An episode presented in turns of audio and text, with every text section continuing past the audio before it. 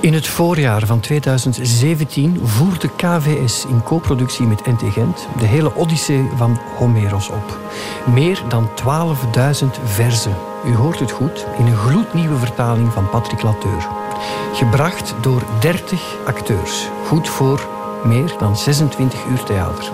De voorstelling ging in première in KVS in Brussel en was te zien daarna in Groningen, Rotterdam, Antwerpen en Gent. Het epische verhaal, dat bijna 3000 jaar oud is, werd voor het eerst volledig opgevoerd in het Nederlands. Dit titanenwerk door al die fantastische acteurs willen wij nu met iedereen delen. Ook met u, die er misschien niet bij kon zijn. Daarom dus deze podcast. Week na week zult u hier een nieuwe zang kunnen herbeluisteren, waar en wanneer u daar zin in heeft. Zang 11, Hades. De zangen 9 tot 12 zijn een beetje het onderbewuste van de Odyssee. Het diepst van al die zangen in de menselijke ziel graaft allicht zang 11, waarin de held Odysseus op aanraden van Kirke doordringt tot het rijk der doden om raad te vragen. Het is een beangstigende zang, waarin bij een plas bloed al wie gestorven is bij hem komt. Maar ook een erg emotionele zang, met als summum het weerzien met zijn moeder, die stierf tijdens zijn afwezigheid. Tal van Griekse helden passeren de revue, van Sisyphos over Tantalos tot Oedipus. De hele Griekse mythologische wereld heeft verzamelen geblazen in de onderwereld. Het is een even virtuoze, lange als emotionele zang, u bijzonder virtuoos en onvergetelijk gebracht door Jurgen Delnaat.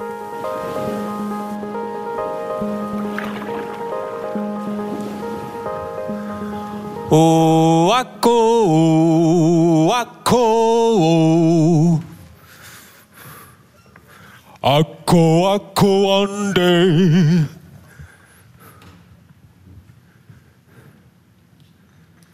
Giacomo fino oh, anande. Giacomo finande.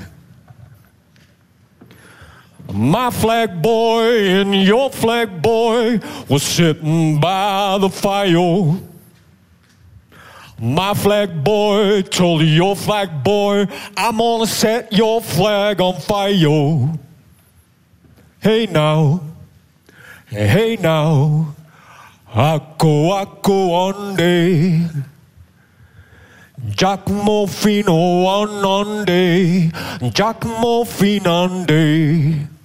Look at my queen all dressed in red. Akko, akko, ande. I bet you five dollars she'll kill you dead. jack Giacomo Finande. Hey now. Beneden kwamen wij bij schip en strand.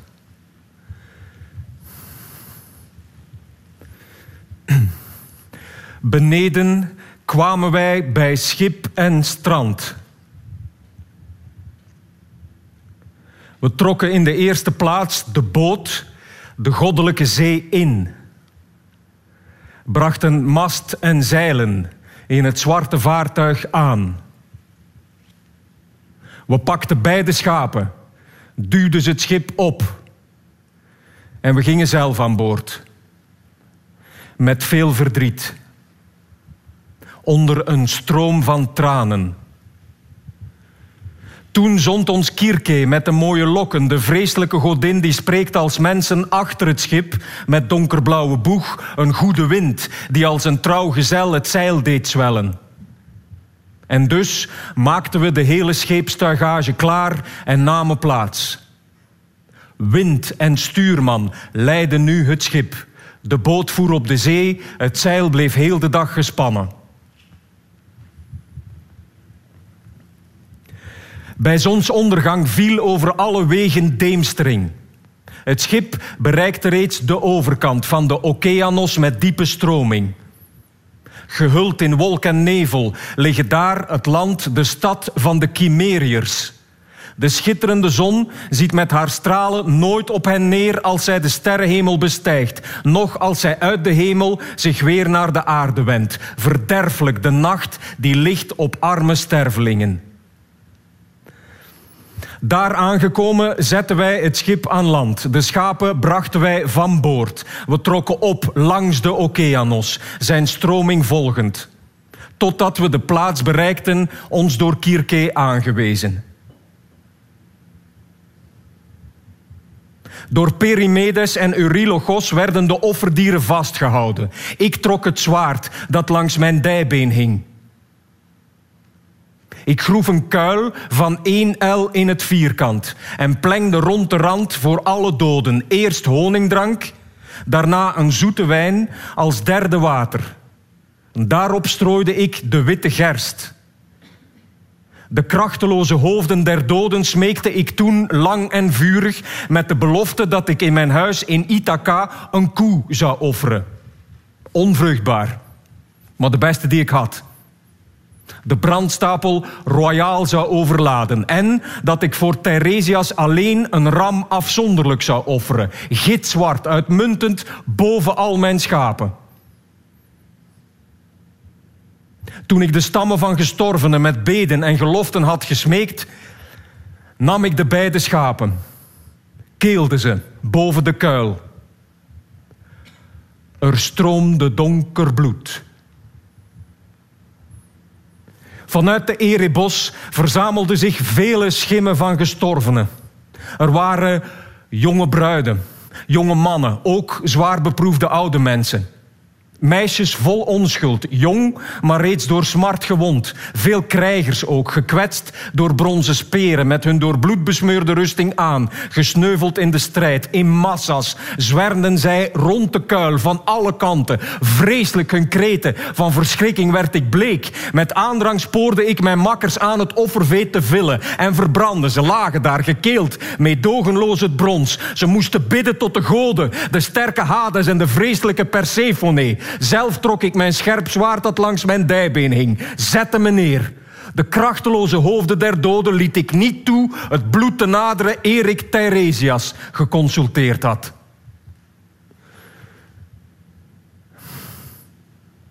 Als eerste kwam de schim van vriend Elpenor. Onder de aarde met haar brede wegen was hij nog niet begraven. Want zijn lichaam lieten we achter in het huis van Kirke. Het bleef daar onbeweend en onbegraven. Een andere verplichting drong zich op.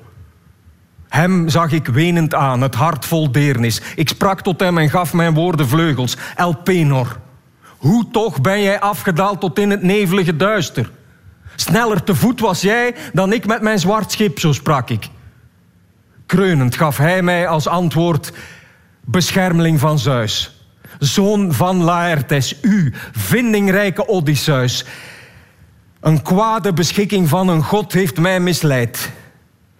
En mateloze wijn. Ik lag te slapen in het paleis van Kirke, maar vergat weer af te dalen langs de grote trap. Ik viel recht naar beneden, van het dak, de halswervels ontwricht, de nek gebroken.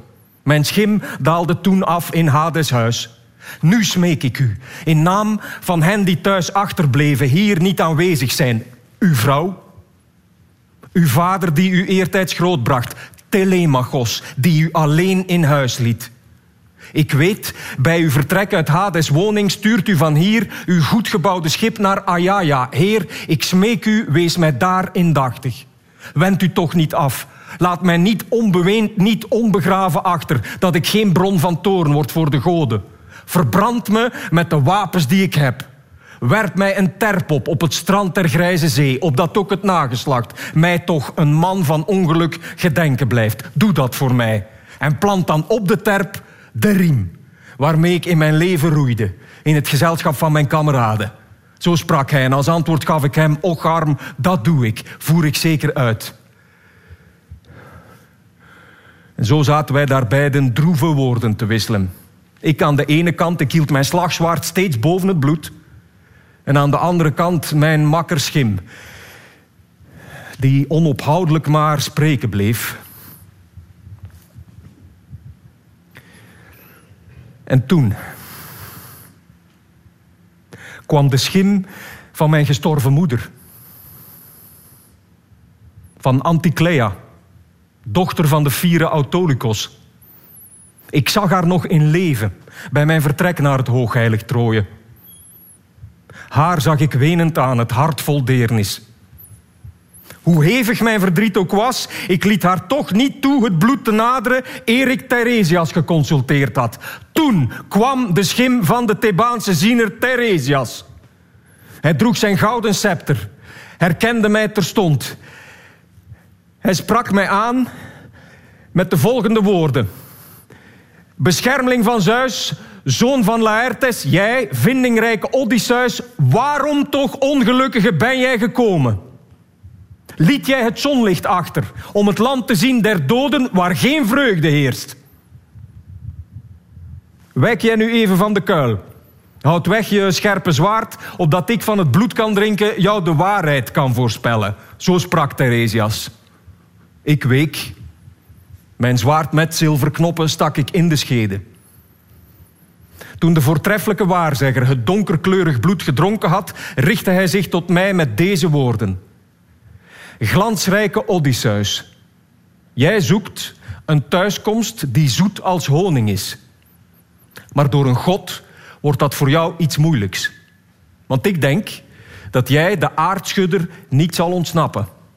Hij koestert in zijn hart wrok tegen jou, vertoornd dat jij zijn zoon hebt blind gemaakt. Maar, zelfs al kennen jullie tegenslagen, toch komen jullie thuis. Als jij je eigen begeerte en die van je makkers wil intomen als je goed gebouwde schip Trinakia het eiland is genaderd, ontsnapt aan het viooltjesblauwe zeevlak. Je vindt er runderen en forse schapen die voedsel zoeken, vee van Helios, die alles overziet en alles hoort. Laat jij die kudde ongedeerd en denk je alleen maar aan de thuiskomst, kunnen jullie weer Ithaca bereiken, ondanks lijden. Mishandel je de kudde, dan voorspel ik een onheil voor je schip en voor je vrienden. Je mag dan wel nog zelf ontkomen zijn, je zal laat thuiskomen. En ongelukkig na het verlies van al je kameraden. Het schip van iemand anders brengt je thuis. Je zal in jouw paleis veel onheil vinden. Brutale kerels die je eigendom verbrassen. Je goddelijke vrouw het hof maken, haar huwelijksgeschenken aanbieden. Bij je thuiskomst zal je hen wel voor hun daden van geweld doen boeten. Heb jij de vrijers in je huis gedood, met list of openlijk, met jouw scherp zwaard, ga dan met handelbare roeiriemen in handen weg. Totdat je komt bij mannen die van de zee niets weten. Ook niets eten, vermengd met zeezout. Niets van schepen weten, met purperwangen, nog van handzame roeiriemen die voor schepenvleugels zijn. Ik wijs je nu dit onmiskenbaar teken dat ik jou niet verzwijgen zal. Ontmoet jij een andere reiziger die wil beweren dat jij een schop draagt op je sterke schouder, dan moet je in de grond je roeiriem steken. En heer Poseidon rijke offers brengen. Een ram, een stier, een everzwijn dat zeugen bespringt. Vervolgens moet je weer naar huis gaan en aan de goden die onsterfelijk huizen op de Olympos heilige hecatomben opdragen. Alle goden, één voor één. Jouzelf wacht dan, weg van de zee, een dood zo zacht dat hij je mee zal voeren. Zwak door de genoegens van de oude dag, terwijl het volk rond jou in welvaart leeft. Wat ik jou nu voorspel, dat is de waarheid. Zo sprak hij. En als antwoord gaf ik hem, Theresias, de goden zelf hebben wellicht al wat gebeuren zal beschikt, maar zeg me eens, vertel me onomwonden. Ik zie de schim hier van mijn dode moeder. In stilte zit ze bij het bloed. Ze durft haar eigen zoon niet in het aangezicht te kijken en tot hem te spreken. Meester, zeg mij, hoe kan zij zien dat ik het ben? Zo sprak ik. Aanstonds gaf hij mij als antwoord gemakkelijk het voorschrift dat ik heb en dat ik aan je hart zal toevertrouwen. Al wie der doden jij laat naderen tot bij het bloed, zal jou de waarheid zeggen. Al wie je weigert, trekt zich weer terug. Na deze woorden ging de schim van meester Theresias weer naar het huis van Hades nadat hij zijn voorspelling had verwoord. Ik bleef ter plaatse, onbeweeglijk wachten, totdat mijn moeder kwam. en zij het donker bloed dronk. En zij herkende mij terstond. Ze jammerde en gaf haar woorden vleugels. Mijn kind, mijn kind. Hoe toch bereikte jij bij leven het nevelige duister? Niet eenvoudig is het voor levenden dit rijk te zien. Want tussenin liggen er vreselijke rivieren, grote stromen en voor eerst de stroom Okeanos die men te voet onmogelijk kan oversteken zonder dat men beschikt over een stevig schip. Ben jij pas nu uit Ithaca hier gekomen? Ben jij pas nu uit Troje hier gekomen? Ben jij pas nu uit Troje hier gekomen? Ben jij pas nu na maandenlang met makkers op je schip gedoold te hebben? Zag jij Ithaca nog niet? Ook niet je vrouw in jouw paleis, zo sprak zij. En als antwoord gaf ik haar, ach moeder. Noodzaak bracht men naar het huis van Hades. Om de schim te consulteren van de Thebaan Theresias, de ziener. Dicht bij Achaias kust kwam ik nog niet. Ik zette nog geen voet in eigen land. Voortdurend zwierf ik in ellende rond. Sinds ik de goddelijke Agamemnon naar Troje rijk aan paarden ben gevolgd om er met de Trojanen te gaan vechten. Maar zeg me eens, Vertel me onomwonden, op welke wijze trof jou het funeste doodslot? Een lange ziekte. Artemis die pijlen schiet en met haar zachte schichten jou na een aanval doodde. En vertel me daarbij nog van wie ik daar achterliet. Mijn vader en mijn zoon. Genieten zij nog steeds de vorstelijke eer die ik had? Of is die reeds in handen van een ander? Beweert men dat ik niet terug zal keren? Vertel me van het plan en de bedoeling van mijn door velen fel begeerde vrouw. Of zij nog bij haar zoon is, alles veilig behoed. Of is ze onderwijl gehuwd met een van de voornaamsten der Achaiers? Zo sprak ik. En mijn moeder eerbiedwaardig gaf mij terstond als antwoord Odysseus, zeer zeker. Met standvastig hart blijft zij in jouw paleis. Voortdurend zit ze daar te jammeren terwijl de droeve dagen en nachten al maar weer voor haar vergaan. Je mooie eer die jij genoot, heeft niemand in handen, maar het is Telemachos die ongestoord je eigendom beheert. En deelneemt aan behoorlijke festijnen. Hij wordt door iedereen geïnviteerd, zoals een vorst die recht spreekt hoort te doen.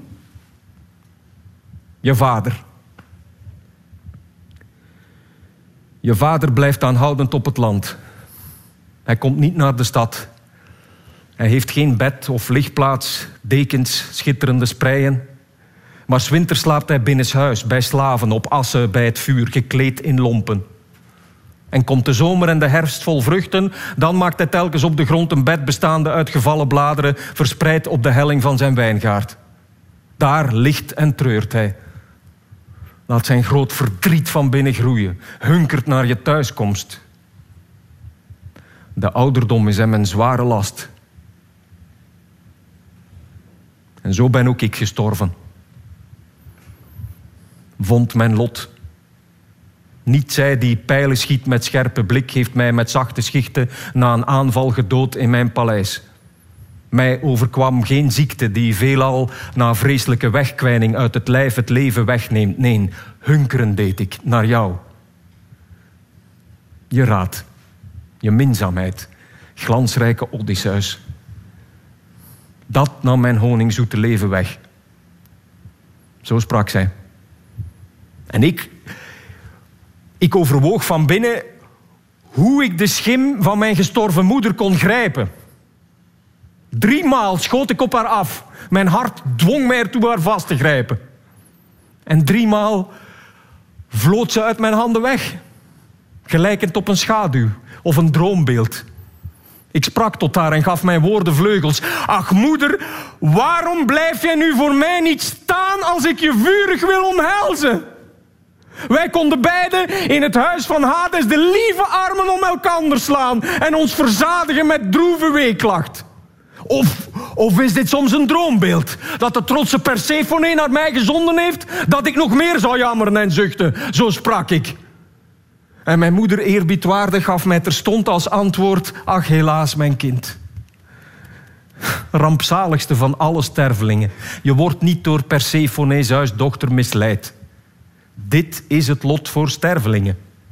De spier spieren houden beenderen en vlees niet langer meer bijeen als iemand sterft. De grote kracht van brandend vuur verteert het allemaal. Zodra de levenskracht het witgebeente achterlaat, de ziel wegvliet en rondfladdert gelijk een droombeeld. Maar spoed je naar het licht, zo snel je kan. En bewaar dit alles in je geest, dan kan je het later ook vertellen aan je vrouw. Zo sprak zij. Zo stonden wij te praten met elkaar. Zo stonden wij te praten met elkaar. Zo stonden wij te praten met elkaar. Zo stonden wij te praten met elkaar. Toen daar, toen daar de vrouwen kwamen. Door de trotse Persephone gezonden, echtgenotes en dochters van de prominentste helden. Ze stonden rond het donker bloed in drommen. Hoe kon ik één voor één hen ondervragen? Uiteindelijk leek dit het beste plan. Van mijn gespierde dij trok ik mijn zwaard met spitse punt en ik belette allen tezamen van het donker bloed te drinken. Ze naderden de ene na de andere. Ik ondervroeg hen daarop allemaal en elk vertelde uitgebreid haar afkomst. De eerste, stel je voor, die ik daar zag, was de doorluchte Tiro. Dochter, zei ze, van de voortreffelijke held Salmonuis. Ze was naar zij beweerde echtgenote van Kretuis, zoon van windgod Aiolos. Ze was verliefd geworden op de stroomgod Enipuis. Veruit wel de mooiste stroom die op de aarde vloeit. Dus kwam ze vaak Enipuis mooie stromingen bezoeken. Nu, in zijn gedaante nu had aardschudder Poseidon bij de monding van de stroom met vele kolken zich naast haar gelegd. Rond hen kwam welvend en gelijk een berg een purpergolf te staan die met de god de sterfelijke vrouw verborgen hield. Hij maakte daar haar maagdelijke gordel los en hij strooide over haar een slaap. Nadat de God de liefdesdaad volbracht had, nam hij haar hand en zei wat hij toen voelde.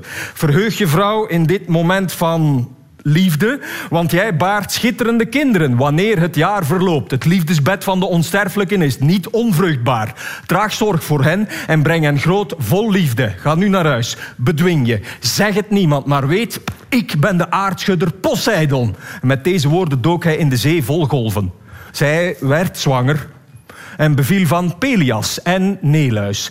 Beiden werden zij sterke dienaars van de grote Zeus. De eerste woonde in het Weids Jolkos, hij had veel schapen en het zandig Pylos was Neluisland. Nu vorstin onder de vrouwen schonk zij aan Kretuis andere zonen, Aison, de wagenstrijder Amitaion, Pheres. Ik zag na haar de dochter van Asopos, Antiope, die zich erop beroemde dat zij zelfs in Zeusarmen had geslapen. Ze kreeg twee zonen, Amphion en Zetos. Als eersten richtten zij de vesting Thebe met zeven poorten op, omwalden haar. Ze hadden macht, toch viel er zonder muren niet meer te leven in het wijdse Thebe. Alkmene, gade van Amphitryon, zag ik daarna. Zij sliep in de omarming van grote Zeus en baarde Herakles, stoutmoedig, met een hart als van een leeuw. Die nazaat van Amphitryon ziet nooit zijn kracht verzwakt. Hij huwde Megare. Ik zag haar na Antiope, de dochter van Creon, held vol durf en overmoed. Ik zag de mooie Epicaste, moeder van Oedipus, die in onwetendheid zwaar zondigde door met haar zoon te trouwen. Hij had zijn eigen vader afgemaakt en huwde haar. Al snel hebben de goden dit voor de mensen openbaar gemaakt. Gekweld door pijnen heerste Oedipus over Katmeiers in het heerlijk Thebe door het verderfelijk besluit der goden. Maar, overmand door smart, ging Epicaste naar Hades, machtig sluiter van de poorten. Ze had een dodelijke strop geknoopt rondom een hoge balk. Hem liet zij achter. De prooi aan erg veel kwellingen en smart. Haar wraakgodinnen brachten dit teweeg. Ik zag ook nog de schitterende glories die Neluis ooit wegens haar schoonheid huwde nadat hij een onmetelijke bruidschat geschonken had. Zij was uh, de jongste dochter van vorst Amphion, zoon van Jasos, die in Orchomenos met sterke hand ooit heerste over Miniers. Die Gloris, in Pylos koningin, baarde voor Neluis prachtige kinderen als Chromios, de zeer gevierde Periclymenos en Nestor. Daarnaast nog, ja, de sterke Pero, Pero! Een wonder om te zien voor stervelingen. Naar haar hand dongen allen die daar woonden. Maar Neleus gaf haar enkel aan de man die van Phylakes sterke Iphicles, de koeien met hun brede kop en kromme hoorns, lastig om vooruit te drijven, weg zou voeren. Enkel een voortreffelijke ziener beloofde hem destijds het vee te brengen. Maar het vredelot der goden heeft hem gekluisterd. Door de grote zware boeien hem omgedaan door koeherders te landen. Maar na verloop van dagen en van maanden, toen met de voortgang van de jarigheid het jaar voorbij was, liet vorst Iphicles de waarzegger weer vrij. Eh, nadat hij hem alle voorspellingen had meegedeeld. En zo voltrok zich het besluit van Zeus. Ik zag ook Leda aan haar echtgenoot, de onversaagde held Tindarios, schonk zij twee zonen. Castor, paardentemmer, en Polyduikes, sterk in vuistgevechten. De aarde die het leven geeft, bedekt hen beiden. Ook al zijn ze nog in leven. Al liggen zij onder de aarde, zij ontvangen eer van Zeus. De ene dag zijn zij in leven, dood de andere dag. En eer als die van goden is hun deel. Na Leda zag ik ook Iphimedea, de echtgenote van Aloios, die mij verklaarde dat zij met Poseidon geslapen had. Zij bracht twee kinderen ter wereld, maar hun leven was maar kort. De goddelijke Otos, Ephialtes, de wijdvermaarde. Hen maakte de aarde, de schenkster van het graan, de grootste en veruit mooiste wezens na de grootste Orion. Amper negen en ze waren negen el breed en negen vadems lang. Zelfs de onsterfelijken dreigden zij met oorlog en onstuimig krijgsgewoel op de Olympos te bestoken. Wilden de Ossa stapelen op de Olympos. De Pelion erboven nog, door blaren omruist, om zo de hemel te beklimmen. En dat zouden ze hebben volbracht, als zij de volheid van hun jeugd hadden bereikt. En doodde evenwel Zeus' zoon, gebaard door Leto met de mooie lokken, nog voor bij hen het eerste baardhaar groeide onder de slapen en hun kinderen dik bedekken zou met het ontluikend dons. Ik zag ook Phaedra, Procris, Ariadne, het mooie kind van Minos, onheilsman. Ooit poogde Theseus haar uit Kreta mee te voeren naar de heuvel van het heilig Athene, maar geen vreugde werd zijn deel. Voordien werd zij door Artemis gedood op Dia-eiland door de zee omspoeld op instigatie van Dionysos. En verder zag ik Maira, Clymene en de gehate Eriphile, kostbaar het goud dat zij als prijs kreeg voor haar man. Ik kan niet alle namen noemen. Alles vertellen van de dochters en de vrouwen van helden die ik zag. Nog eerder zou de goddelijke nacht ten einde zijn. Het is ook slapenstijd. Ofwel ga ik nu naar mijn makkers op het snelle schip, of ik blijf hier. Mijn weg terug naar huis ligt in uw handen en in die der goden. Zo sprak hij. Allen werden stil en zwegen betoverd in de koelte van de zaal. Arete sprak en gaf haar woorden vleugels. Fajaken, wat voor man lijkt deze u door voorkomen, gestalte, evenwicht van geest? Hij is mijn gast maar elk van u deelt in de eerbetuigingen. Daarom, wees niet gehaast hem weer naar huis te zenden. Besnoei toch de geschenken niet die hij zo nodig heeft, want talrijk zijn de schatten in uw paleizen door de gunst der goden. De oude Heros, Egeneos, richtte toen ook het woord tot hen. Hij was de oudste van de Fajaken. Vrienden, wat de wijze vorstin zei is niet onverstandig, niet in strijd met onze mening, kom gehoorzaam. Maar over woord en daad beslist de vorst. Hem antwoordde Alkinoos en sprak: Wat de wijze vorstin zei, is niet onverstandig. Dit woord van de vorstin wordt uitgevoerd, zo waar ik leef, en heers over Fajaken roeilustig volk. Hoezeer ook onze gast verlangt terug te keren. Hij moet dulden dat hij hier toch tot morgen blijven zal, tot ik het gastgeschenk volledig heb. Zijn thuisreis is de zorg van alle mannen, het meest van mij, die macht heb in dit land. En Odysseus de schrandere gaf antwoord. Alkinoos, die boven allen uitblinkt, mijn vorst. Als jij mij opdraagt, zelfs een jaar lang hier te blijven, werk maakt van mijn thuisreis, me prachtige geschenken geeft, zou ik dit zelfs verkiezen. Het is ook veel beter rijker beladen naar mijn dierbaar land terug te keren. Dan zou ik meer achting en vriendschap ondervinden van hen allen die zien dat ik in Ithaca terug ben.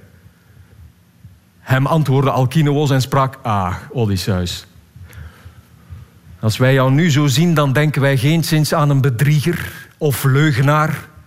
Zoals de zwarte aarde er velen voet die wijd verspreid zijn. Mensen verzinnen al maar leugens en van waar die komen is voor niemand duidelijk. Maar in jouw woorden ligt bevalligheid. Er steekt in jou een wijze geest. Met kunde, als van een bard, deed jij ons je verhaal. Het droeve leed van jou en van heel Argos. Maar zeg mij eens, vertel me onomwonden. Zag jij er ook geen van je godgelijke gezellen die met jou naar Troje trokken waar zich uiteindelijk hun lot voltrok? De nacht die wacht is lang, ontzaglijk lang. En om te slapen is het nog geen tijd. Vertel me van die wonderlijke daden. Zelfs tot de goddelijke dageraad hield ik het uit als jij in mijn paleis mij wil vertellen van je lotgevallen. En Odysseus de schrandere gaf antwoord, Alkinoos die boven allen uitblinkt, mijn vorst. Er is een tijd voor veel verhalen. Er is een tijd ook voor wat slaap. Maar wil je nog meer beluisteren? Ik zal jou dat niet weigeren. Nog andere verhalen vertellen. Ja, nog hartverscheurender. De lotgevallen van mijn kameraden die later stierven. Zij ontkwamen wel het droevig krijgsgeschreeuw van de Trojanen, maar kwamen om bij hun terugkeer thuis. Omdat een slechte vrouw het heeft gewild.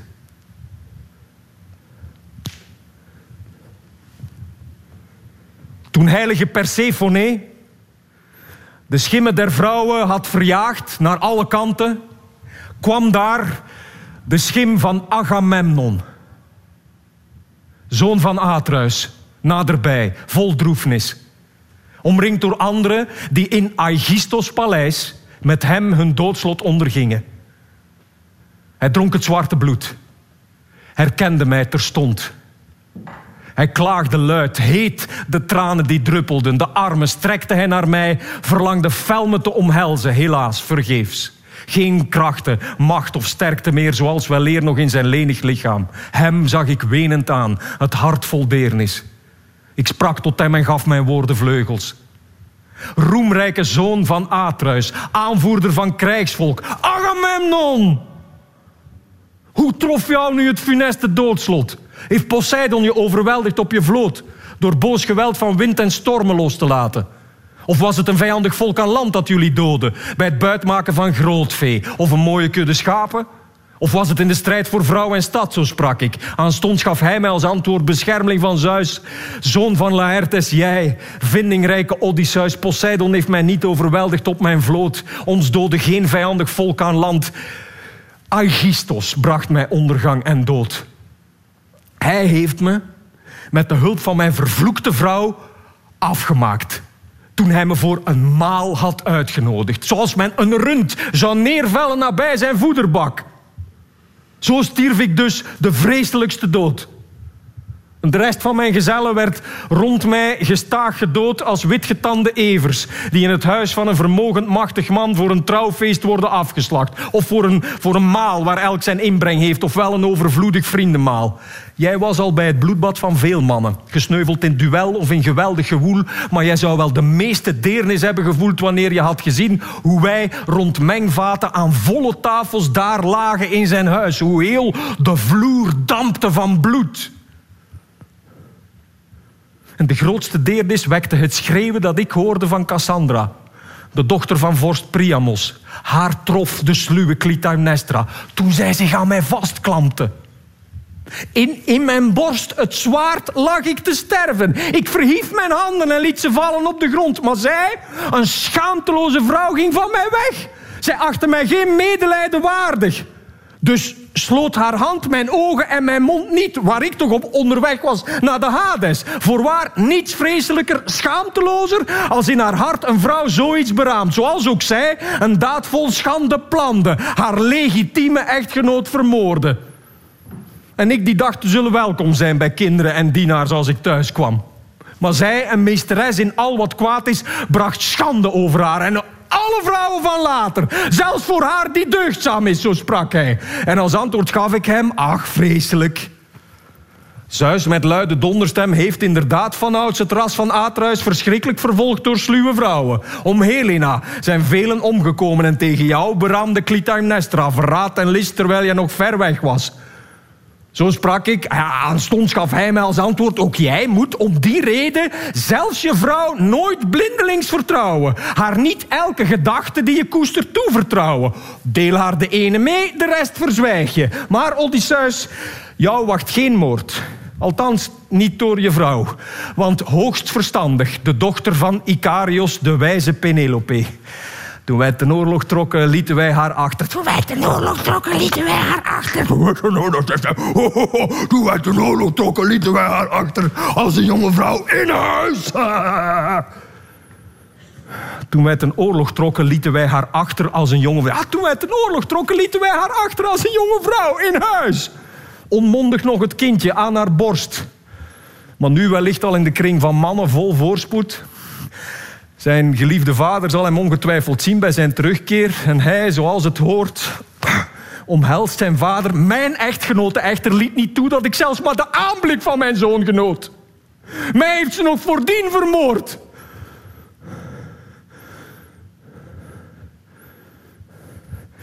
Maar zeg me eens, vertel me onomwonden.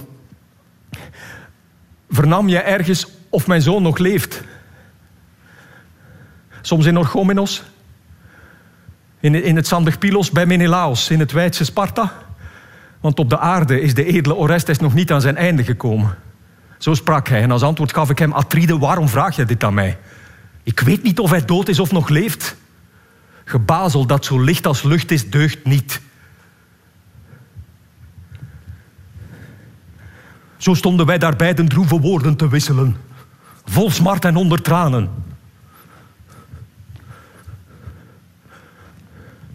Toen daar de schim verscheen van Peleus' zoon Achilles. Ook de schim van Patroklos, van de uitmuntende Antilochos van Ajas. Die in schoonheid en gestalte de beste was van alle Danaars. Na de uitmuntende zoon van Peleus. De schim van de snelvoetige kleinzoon van Ajakos herkende mij terstond. Hij jammerde en gaf zijn woorden vleugels. Beschermeling van Zeus, zoon van Laertes, jij, vindingrijke Odysseus, vermetel ben jij. Want kan je in je hart een daad bedenken die nog groter is dan deze? Hoe durfde jij de Hades te betreden? Waar dode huizen zonder een bewustzijn, de geesten van gestorven stervelingen. Zo sprak hij en als antwoord gaf ik hem Achilles. Ho, Achilles. Zoon van Peleus. Verreweg de sterkste van de Danaars. Ik kwam om hier Theresias te consulteren en hem om raad te vragen hoe ik weer het klovenrijke Ithaca bereik. Dicht bij Achaias kust kwam ik nog niet. Ik zette nog geen voet in eigen land. Voortdurend ken ik enkel maar ellende. Achilles, Achilles. Vroeger kende niemand meer geluk dan jij. Dat blijft ook later zo.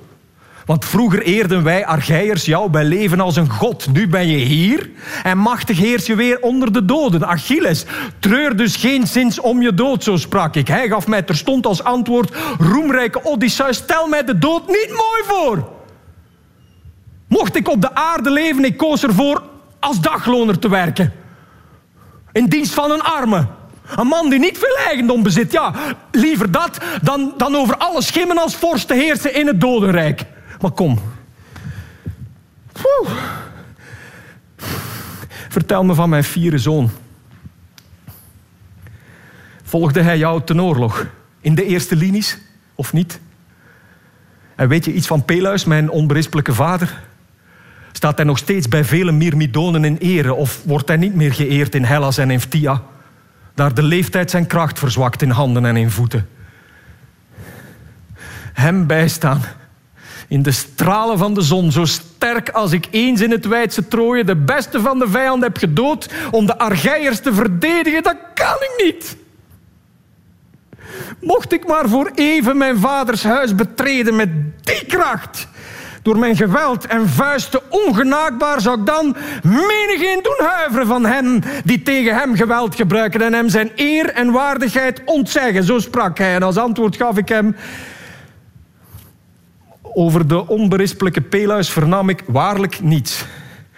Maar ik vertel jou de volle waarheid over je geliefde zoon Neoptolemos op jouw verzoek.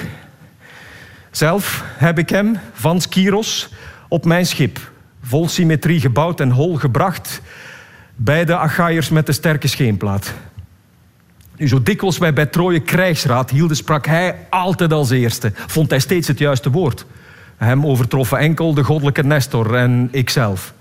Zo vaak wij echter streden met het brons in Trojes vlakte, Neoptolemos bleef in het midden van zijn manschappen nog in de drom ten achter. Altijd liep hij ver vooruit. Zijn strijdlust week voor niemand. Hij doodde velen in een vreed gevecht. Ik kan niet alle namen opsommen of zeggen. Alle krijgers die hij doodde om de Argeiërs te verdedigen.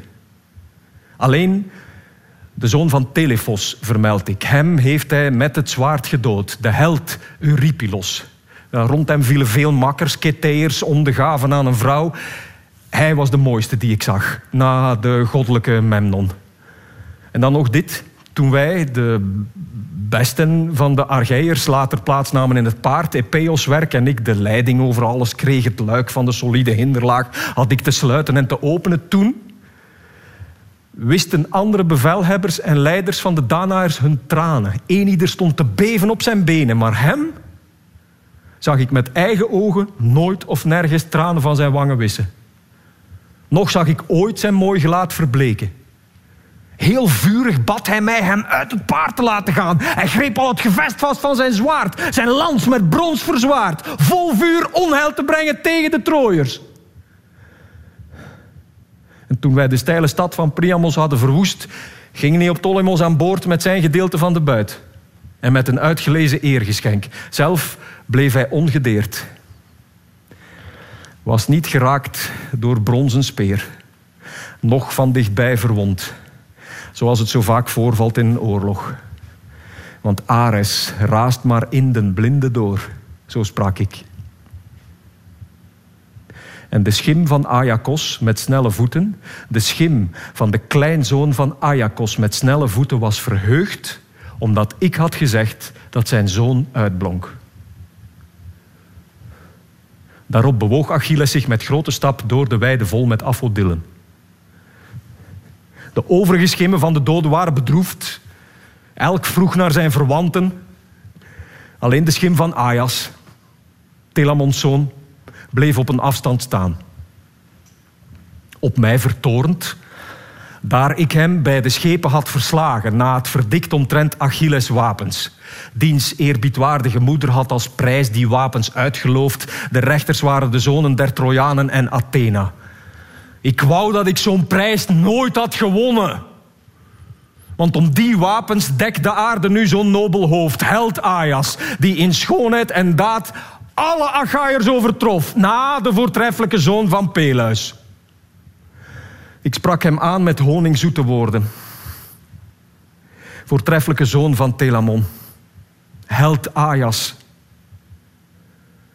Kon jij zelfs niet in de dood je toorn op mij om die vervloekte wapens vergeten? Goden maakten ze tot ramp voor de Argeiërs, die een machtig bolwerk in jou verloren. Wij Achaiërs treuren om jou al evenzeer als om de dood van Peleus zoon Achilles. Zeus is het, die zijn enorme haat tegen het leger van de Argeiërs die met lansen zwaaien liet zien en jou je doodslot liet voltrekken. Maar kom toch nader, vorst. Dat jij mijn woord en wat ik zeggen wil aanhoort. Jij moet je woede en je koppig hart bedwingen, zo sprak ik. Ajas antwoordde me niets ging naar de Erebos. Het duister rijk der doden. Andere schimmen achterna. Wellicht had hij me daar, ondanks zijn toorn, toch aangesproken. En ik hem. Maar diep in mij verlangde ik ook nog de rest van de schimmen der doden te ontmoeten. Want kijk, daar zag ik Minos. Zoon van Zeus, de stralende. Hij droeg een gouden scepter.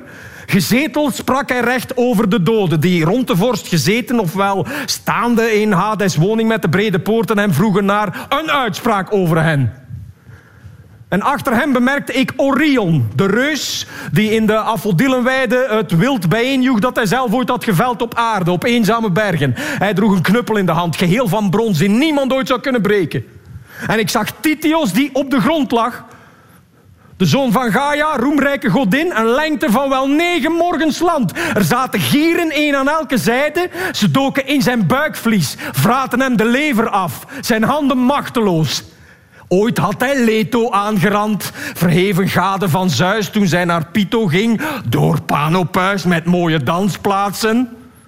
En ja, ik zag ook Tantalos, gekweld door hevig leed. Hij stond er in een meer. Hij wilde dolgraag drinken, maar hij, kon, hij, stond er in een meer. Gekweld door hevig leed. Hij, gekweld door hevig leed. Ja, ik zag ook Tantalos. En ja, ik zag ook Tantalos, gekweld door hevig leed. Hij stond er in een meer. Het water reikte hem tot aan de kin. Hij wilde dolgraag drinken, maar hij kon niet bij het water komen om zijn dorst te lessen. Zo vaak de oude man die drinken wou zich bukte, trok het water even vaak weer weg. Was opgeslorpt. En rond zijn voeten was telkens weer de zwarte grond te zien. Een godheid legde steeds weer alles droog. Uit bomen met een hoog gebladerte hingen de vruchten neer boven zijn hoofd. Granaten, peren, appelen vol glans, een weelde van olijven, zoete vijgen. Zo vaak de oude man zijn handen strekte om ze te plukken, woei de wind ze steeds omhoog tot in de schaduwrijke wolken. En ja, ik zag ook Sisyphos, gekweld door hevig leed. Met beide handen poogde hij een reuze steenblok voor zich uit te duwen. Steunzoekend met zijn voeten, met de handen drukgevend, stiet hij steeds de steen omhoog, tot op de heuveltop. En haast erover, ja, viel het steeds weer terug door zijn gewicht. En zo rolde de medogeloze steen weer naar de vlakte. Maar hij duwde weer. Hij weerde zich. Het zweet droop van zijn lijf. Een wolk van stof verhief zich rond zijn hoofd. En na hem zag ik de sterke Herakles. Ah, zijn schim. Want zelf geniet hij van de feesten te midden der onsterfelijke goden. Zijn vrouw is Hebe met de mooie enkels, de dochter van de grote Zeus en Hera met goudsandalen. Rond hem klonk gekriep van schimmen als van vogels die vol angst naar alle kanten opvliegen en vluchten. Hij zelf was als de zwarte nacht. Hij droeg zijn blote boog met op de pees een pijl, keek dreigend rond, leek steeds klaar om te schieten. Beangstigend de draagband rond zijn borst. Een gouden bandelier, geciseleerd met wondere figuren, wilde zwijnen en beren, leeuwen, fonkelend hun ogen, gewoel en strijd, gevechten, afslachting van krijgers. Maar wie met zijn kunst die draagband bedacht, vervaardigde, zo mag ik hopen, geen ander meer. Of zal er geen meer maken. Zijn ogen zagen mij herkende mij. Hij jammerde en gaf zijn woorden vleugels. Beschermeling van Zeus, zoon van Laertes, jij, vindingrijke Odysseus, o garm. Ook jij moet een ellendig lot meeslepen, zoals ook ik erin te dragen had, zolang de stralen van de zon mij warmden. Ik was een zoon van Zeus. Zelf Kronos zoon. Mijn leed was evenwel onnoemelijk, want ik was onderworpen aan een man die wel veel zwakker was dan ik, maar mij belastte met moeizame opdrachten. Hij zond mij ooit... Hij zond mij ooit hierheen om Kerberos te halen. In de mening dat geen werk voor mij nog lastiger kon zijn dan dat.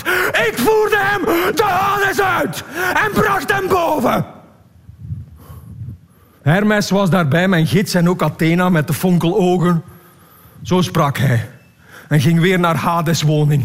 Ik bleef ter plaatse onbeweeglijk wachten, keek uit. Of alsnog een der doden kwam die in een ver verleden sneuvelde. En helden uit een ver verleden zou ik beslist hebben gezien. Zelfs wie ik wou, Peritoos en Theseus, godenzonen vol roem. Maar eerder nog was er een toestroom. Een schaar van niet te tellen schimmen, vreselijk hun kreten. Van verschrikking werd ik bleek. Want de verhevene Persephone kon wel eens uit de Hades mij het hoofd van Gorgo sturen. Dat geduchte monster. Ik liep toen dadelijk weer naar het schip. Gaf opdracht aan mijn mannen in te schepen en achteraan de kabels los te maken.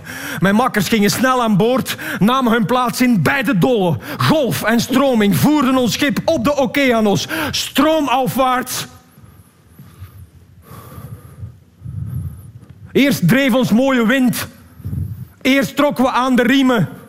Eerst trokken we aan de riemen. Eerst riemen trokken we... We eerst, eerst, eerst, eerst, eerst trokken we aan de riemen. Toen dreef ons mooie wind die gunstig woei.